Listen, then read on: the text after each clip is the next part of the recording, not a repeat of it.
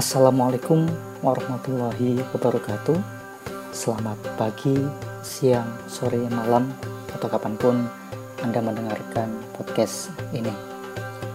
Nah di kesempatan kali ini eh, Saya ingin berbagi terkait dengan Kehidupan di pondok pesantren Dan beberapa waktu yang lalu sempat juga ada Beberapa lembaga yang menyelenggarakan webinar-webinar tentang pencegahan COVID-19 di pondok pesantren dan waktu itu saya e, diminta untuk membuat naskah gimana sih pencegahan COVID-19 di pesantren. Karena kebetulan e, sejak tahun 2005 ya tahun 2005 saya sudah hidup di pondok pesantren. Dan saya mengalami fase mondok di pondok pesantren tradisional atau salaf maupun pondok pesantren yang lebih modern kayak gitu. Dan untuk membayangkan protokol kesehatan diterapkan di pesantren yang modern bukan modern juga sih tapi yang dia itu terbatas santrinya kayak sekarang saya tinggal di pondok pesantren yang satu kamar paling diisi oleh 2 sampai 3 orang. Nah, untuk menerapkan protokol COVID-19 ini masih lebih mudah ya, lebih mudah dalam arti ya kita bisa untuk mengatur bagaimana jarak tidur, bagaimana kalau kita makan yang awalnya karena di pondok pesantren kita kehidupannya sangat komunal yang awalnya kita uh, satu nampan satu nampan satu apa ya piring besar dipakai oleh dua atau tiga orang bahkan lima orang. Tapi kita harus bisa uh, memisah kayak gitu. Satu orang satu piring terus dicuci sendiri dan lain sebagainya itu lebih mudah.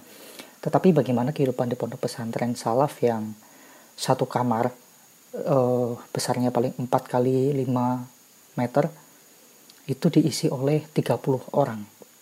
Nah, ketika saya bercerita tentang kondisi seperti ini, ada banyak teman-teman yang masa sih ada uh, kehidupan yang seperti itu? Ya memang ada.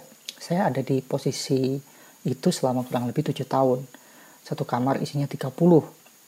Dan kami uh, satu orang hanya dijatah kotaan. Menyebutnya kita kotaan untuk menyebut lemari, tapi bukan lemari juga karena kayak semacam locker gede lokernya paling ya sekitar 40 kali 40 cm seperti itu jadi sangat terbatas. Makanya nggak bisa di pondok pesantren membawa banyak alat A banyak apa ya pakaian ataupun hal-hal yang tidak berguna dalam tanda kutip. Kalaupun kita misal selimut kan lebih tebal gitu ya. Selimut lebih tebal biasanya kita menggunakan kardus untuk menyimpannya. Itu pun sangat jarang orang yang membawa selimut. Karena apa? Ya biasanya sih kalau kita tidur terus banyak pola kayak gitu tiba-tiba selimutnya hilang waktu pagi. Kita tidur di atas lantai seperti itu. Dan ini hal yang biasa di pesantren. Makanya kalau anak mondok biasanya sih lebih memilih tidur di atas sajadah atau tidur di atas bajunya sendiri atau sarung kayak gitu pokoknya alas yang sangat sederhana nah menerapkan protokol kesehatan di pondok pesantren yang seperti ini dan jumlahnya masih sangat banyak di Indonesia itu tentu lebih sulit. Tapi walau bagaimanapun agak sulit juga untuk mencegah pondok pesantren buka karena apa? Ya metode pendidikan di pondok pesantren itu tidak mendukung kelas-kelas online, kelas-kelas yang membutuhkan teknologi. Karena satu gini, teman-teman harus pahami bahwa salah satu alasan orang untuk belajar di pondok pesantren adalah untuk ngalap berkah atau mencari berkah. Dan berkah biasanya uh, dicari dari pertemuan-pertemuan fisik, baik dari pertemuan ini ya antar uh, kita bisa melihat kiai, kita didoakan langsung di depannya, dan yang paling mudah biasanya kita mendapatkan air yang sudah didoakan, lalu salaman dengan kiai itu menjadi salah satu metode paling banyak uh, digunakan di pesantren untuk mengalap berkah. Nah, di era COVID, kita dianjurkan untuk jaga jarak. Ini agak menyulitkan juga sebenarnya. Dan misal pondok pesantren tahfidz atau uh, hafalan Quran. Bagaimana caranya kita menyimak santri yang sedang ngaji, tapi menggunakan metode online. Selain karena ya banyak yang tidak bisa membayangkan bahwa orang pesantren itu banyak yang memang uh, terhimpit. Banyak alasan lah ya. Misal ada yang uh, kalau sekolah mahal lebih baik di pondok pesantren gitu kayak gitu. Makanya kalau ada orang yang nggak sensitif dengan isu ini mengatakan wah pondok pesantren gimana sih mau buka? Emang nggak takut uh, ada covid dan lain sebagainya ini juga kurang tepat karena ya memang tadi terbatasan kita bisa lah orang-orang yang mengkritik pesantren yang buka karena mereka punya gadget yang cukup punya kuota yang bisa dibeli tiap hari seperti itu. Tapi di pondok pesantren kita tuh benar-benar ngirit. Dulu 100 rupiah perak itu tuh sangat berharga. Kita sampai kalau habis dari warung ada kembalian 100 rupiah selalu kita celengin. Celengin apa ya? Kita tabung karena buat beli sampo. Nah menggunakan sampo itu menjadi kemewahan sendiri bagi anak pesantren. Makanya hal-hal seperti ini tuh penting untuk diketahui publik agar uh, yang nggak serta merta menyalahkan pesantren kalau misal buka. Yang harus kita pikirkan adalah bagaimana caranya kalaupun pesantren buka tetapi aman dari persebaran covid. Lagi-lagi ini menjadi dilematis dan hal yang sulit untuk dibayangkan. Di pesantrenku dulu itu masih mending ya uh, satu pondok 200 orang 200 sampai 300 orang. Tapi di sekolahan yang lebih besar itu ada ya muridnya sampai 4000 5000 dan di pondok-pondok yang di Jawa Timur misalnya itu kan satu pondok bisa 17.000 orang. Bagaimana kerumunan 17.000 ini tidak bisa tidak berpotensi untuk uh, menjadi klaster penyebaran COVID? Ini menjadi PR juga dan ya kalau saya bisa melihat sih kehidupan pondok pesantren yang komunal dan serba tertutup di satu sisi itu menjadi tantangan untuk penjagaan COVID tapi di sisi lain menjadi keunggulan. Karena apa? Kita memang benar-benar hidupnya itu dikurung di situ. Dikurung artinya ya kita terpisah dengan dunia luar. Walaupun ada beberapa pesantren yang masih ini ya uh, tidak menyediakan kantin tidak menyediakan makanan untuk santrinya. Jadi santri harus mencari di luar. Tapi sebagian besar pesantren itu udah semua itu full service dari pondok. Mau jajan ya di dalam pondok. Mau makan ya udah disediain di pondok. Dan lain sebagainya. Udah ada udah udah full lah kehidupannya benar-benar di pondok. Makanya pondok pesantren kan disebut sebagai penjara suci.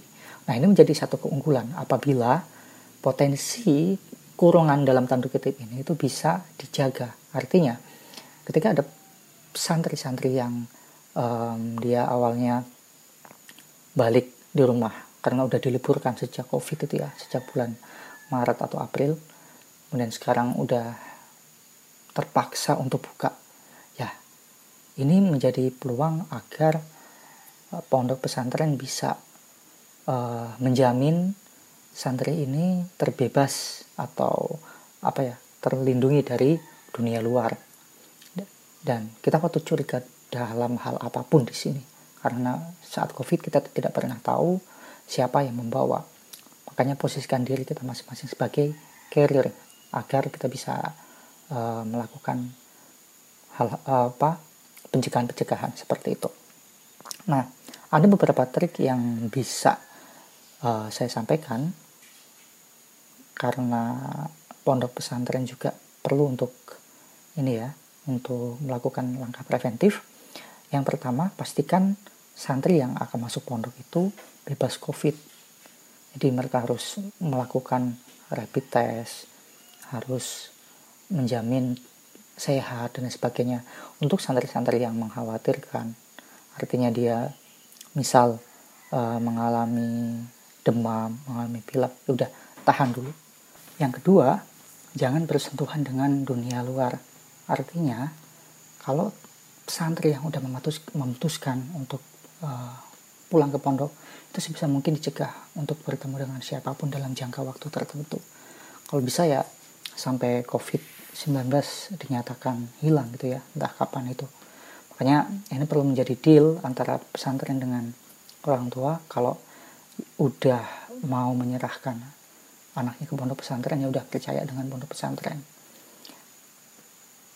juga pondok pesantren juga menghindari agar santri-santri ini bersentuhan dengan siapa pun entah pedagang entah apa pun biasanya di pesantren banyak juga tuh eh, pedagang-pedagang dari luar nah pesantren memang harus punya mekanisme gimana agar santri yang butuh jajan juga bisa disediakan tepatnya entah di kantin atau apa tapi meminimalisir atau bahkan menghilangkan sama sekali sentuhan dengan dunia luar. Yang ketiga, oh ya, yang kedua ini ini ya bukan cuma santri tapi juga kiai. Sebisa mungkin kiai punya kesadaran untuk tidak menerima dulu tamu. Kalau biasanya setiap orang tua yang mau menyerahkan anaknya itu sowan dulu dan sebagainya, tapi di era COVID-19 bisa mungkin ini dikurangi atau bahkan tidak usah. Kalaupun ada sowan dan sebagainya, ya hindari untuk bersalaman lebih dahulu. Ini demi kebaikan kita bersama. Pondok pondoknya juga uh, apa bisa merasa aman dan kiainya sehat kayak gitu. Pokoknya demi kebaikan bersama dulu. Yang ketiga, kalau tadi itu hal-hal yang biasa kita temui kalau tadi itu hal-hal yang sifatnya medis nah di pondok pesantren itu enggak melulu soal medis kita juga harus menggunakan cara-cara spiritual misal eh, santri menggalakkan sholawat nariyah disuruh rajin untuk bersolawat nariyah atau sholawat tibul kulub atau sholawat-sholawat lain yang tujuannya untuk membawa kebaikan bagi diri santri itu. Jadi udah hal-hal yang kayak gini tidak boleh ditinggalkan dari santri karena ini adalah ciri khas pesantren. Saya juga punya pengalaman setiap saya melakukan sesuatu hal-hal yang bersifat spiritual seperti ini tidak pernah saya tinggalkan sampai hari ini Nah hal-hal kayak gini uh, perlu tetap dilestarikan oleh pondok pesantren. Hal-hal medis dan spiritual harus berjalan berjalan beriringan gitu ya. Kemudian uh, kalau di pesantren itu kan ada tradisi untuk menjaga wudhunya. Jadi sebisa mungkin santri itu selalu dalam keadaan suci. Nah di era covid ini ya kita biasakan untuk sering-sering cuci tangan sebelum wudhu.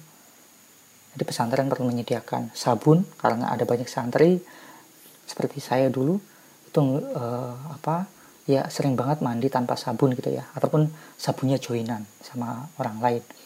Batang lagi sabun batang lagi. Nah di era covid tentu harus ada kebiasaan baru. Harus santri ini masing-masing punya sabun sendiri-sendiri punya alat mandi sendiri-sendiri jangan sampai joinan kayak gitu ya.